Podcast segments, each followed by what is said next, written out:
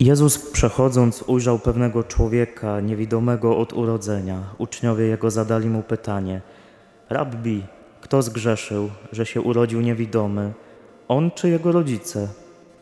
Jezus odpowiedział: Ani on nie zgrzeszył, ani rodzice jego, ale stało się tak, aby się na nim objawiły sprawy Boże. Trzeba nam pełnić dzieła tego, który mnie posłał, dopóki jest dzień. Nadchodzi noc, kiedy nikt nie będzie mógł działać. Jak długo jestem na świecie, jestem światłością świata. To powiedziawszy, splunął na ziemię, uczynił błoto ze śliny i nałożył je na oczy niewidomego i rzekł do niego: Idź, obmyj się w sadzawce Siloam, co się tłumaczy posłany. On więc, więc odszedł, obmył się i wrócił, widząc. A sąsiedzi i ci, którzy przedtem widywali go jako żebraka, mówili: Czyż to nie jest ten, który siedzi i żebrze? Jedni twierdzili: Tak, to jest ten, a inni przeczyli: Nie, jest tylko do tamtego podobny. On zaś mówił: To ja jestem. Mówili więc do niego: Jakżeż oczy ci się otworzyły? On odpowiedział: Człowiek zwany Jezusem uczynił błoto, pomazał moje oczy i rzekł do mnie: Idź do sadzawki Siloam i obmyj się. Poszedłem więc, obmyłem się i przejrzałem. Rzekli do niego: Gdzież on jest? Otóż rzekł: Nie wiem. Zaprowadzili więc tego człowieka, niedawno jeszcze niewidomego, do faryzeuszów, a tego dnia, w którym Jezus uczynił błoto i otworzył mu oczy, był szabat. I znów faryzeusze pytali go o to, w jaki sposób przejrzał. Powiedział do nich: Położył mi błoto na oczy, obmyłem się i widzę. Niektórzy więc spośród faryzeuszów rzekli: Człowiek ten nie jest od Boga, bo nie zachowuje szabatu.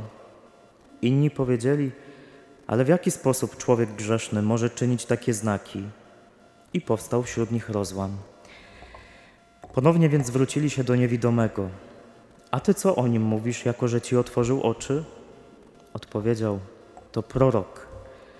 Żydzi jednak nie uwierzyli, że był niewidomy i że przejrzał, aż przywołali rodziców tego, który przejrzał i wypytywali ich, mówiąc: Czy waszym synem jest ten, o którym twierdzicie, że się niewidomy urodził? W jaki to sposób teraz widzi?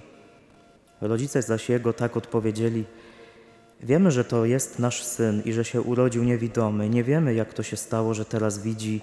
Nie wiemy także, kto mu otworzył oczy. Zapytajcie jego samego, ma swoje lata, będzie mówił sam za siebie. Tak powiedzieli jego rodzice, gdyż bali się Żydów. Żydzi bowiem już postanowili, że gdy ktoś uzna Jezusa za Mesjasza, zostanie wyłączony z synagogi. Oto dlaczego powiedzieli jego rodzice, ma swoje lata, jego samego zapytajcie.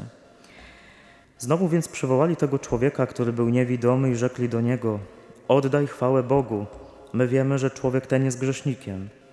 Na to odpowiedział: Czy on jest grzesznikiem, tego nie wiem. Jedno wiem: byłem niewidomy, a teraz widzę. Rzekli więc do niego: Cóż ci uczynił? W jaki sposób otworzył ci oczy? Odpowiedział im: Już wam powiedziałem, a wy nie słuchaliście. Po co znowu chcecie słuchać? Czy i wy chcecie zostać jego uczniami? Wówczas go obrzucili obelgami i rzekli: to Ty jesteś Jego uczniem, a my jesteśmy uczniami Mojżesza. My wiemy, że Bóg przemówił do Mojżesza. Co do Niego zaś, to nie wiemy skąd pochodzi. Na to odpowiedział im ów człowiek. W tym wszystkim dziwne jest to, że Wy nie wiecie skąd pochodzi, a mnie oczy otworzył. Wiemy, że Bóg nie wysłuchuje grzeszników, ale wysłuchuje każdego, kto jest czcicielem Boga i pełni Jego wolę. Od wieków nie słyszano, aby ktoś otworzył oczy niewidomemu od urodzenia. Gdyby ten człowiek nie był od Boga, nie mógłby nic uczynić.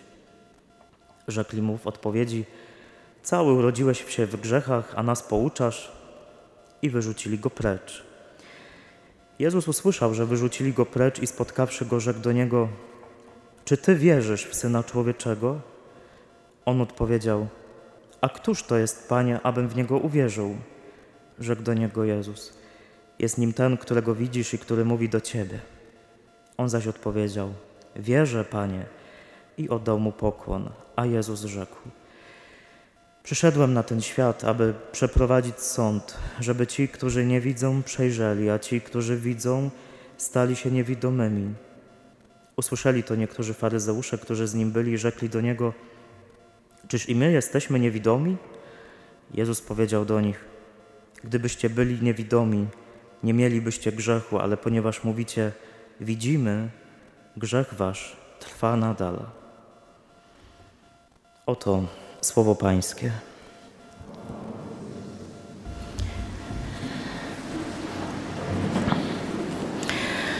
Usiądźcie wygodnie, zasłużyliście, bo żeście się nasłuchali, nastali. Specjalnie wybrałem wersję dłuższą, bo ta wersja dłuższa, e, ona ma wiele takich smaczków, nie wszystkich dotkniemy, ale ma wiele bardzo takich smakowitych kąsków.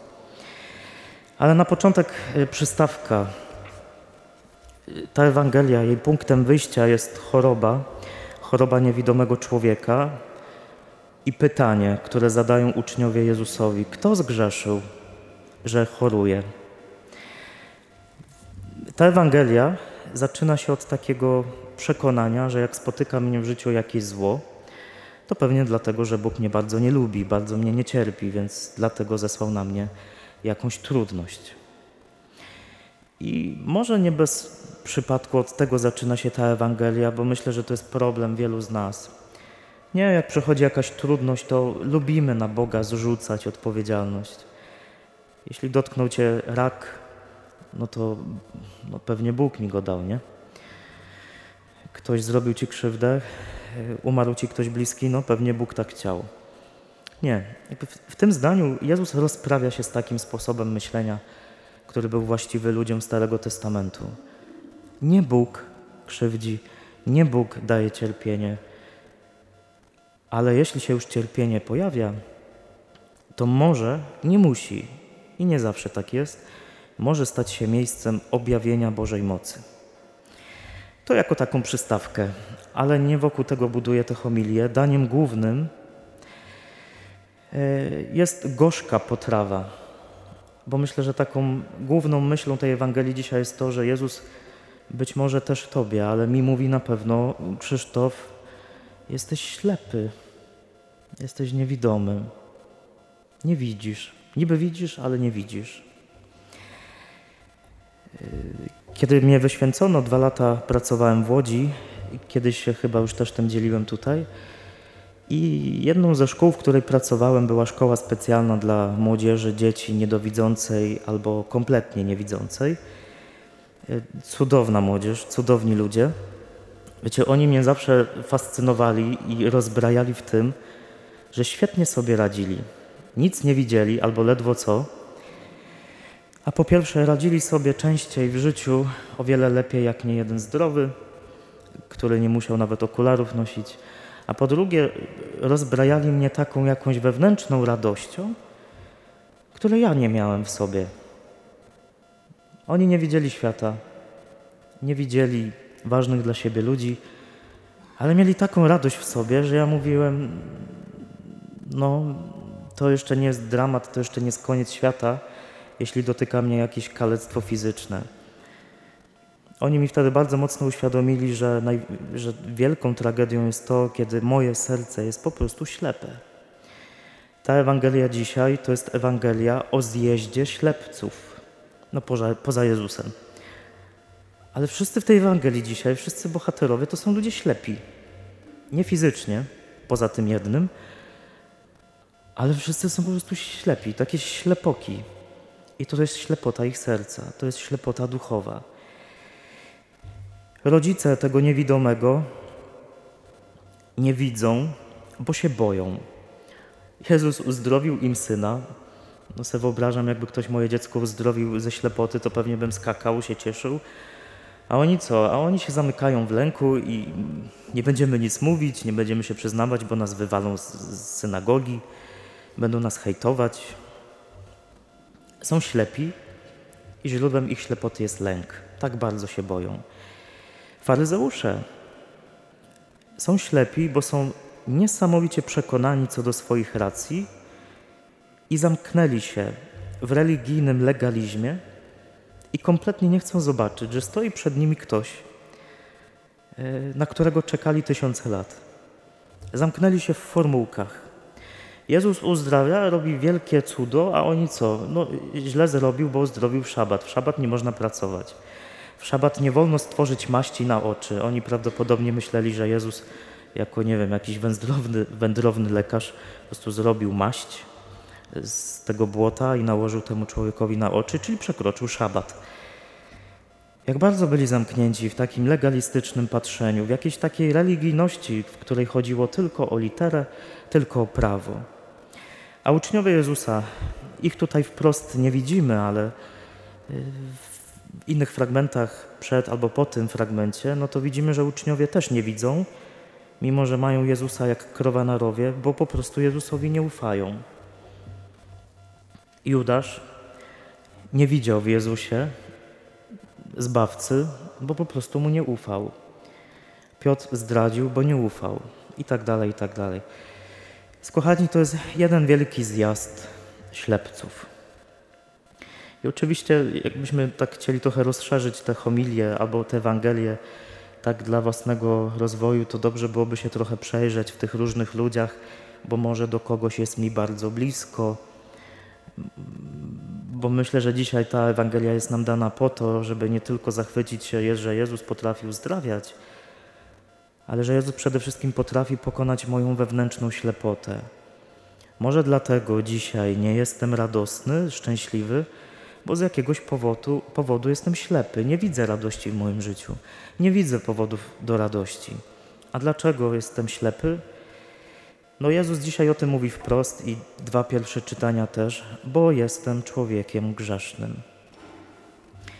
Jesteśmy ślepokami, bo stawiamy w centrum naszego życia grzech. Ale nie grzech rozumiany jako przekroczenie jakiejś normy, przekroczenie szabatu, jeżeli zeżar kiełbasę w piątek, bo powiedziałeś brzydkie słowo na K i już po prostu już koniec świata, już po prostu już nic, nie, nic się nie da zrobić. Tylko trzeba popatrzeć szerzej. I tutaj z pomocą mi dzisiaj przyszedł Darek Piórkowski, który napisał, że ta Ewangelia to jest katecheza, która odrzuca powierzchowne rozumienie grzechu jako wykroczenia przeciwko przepisom.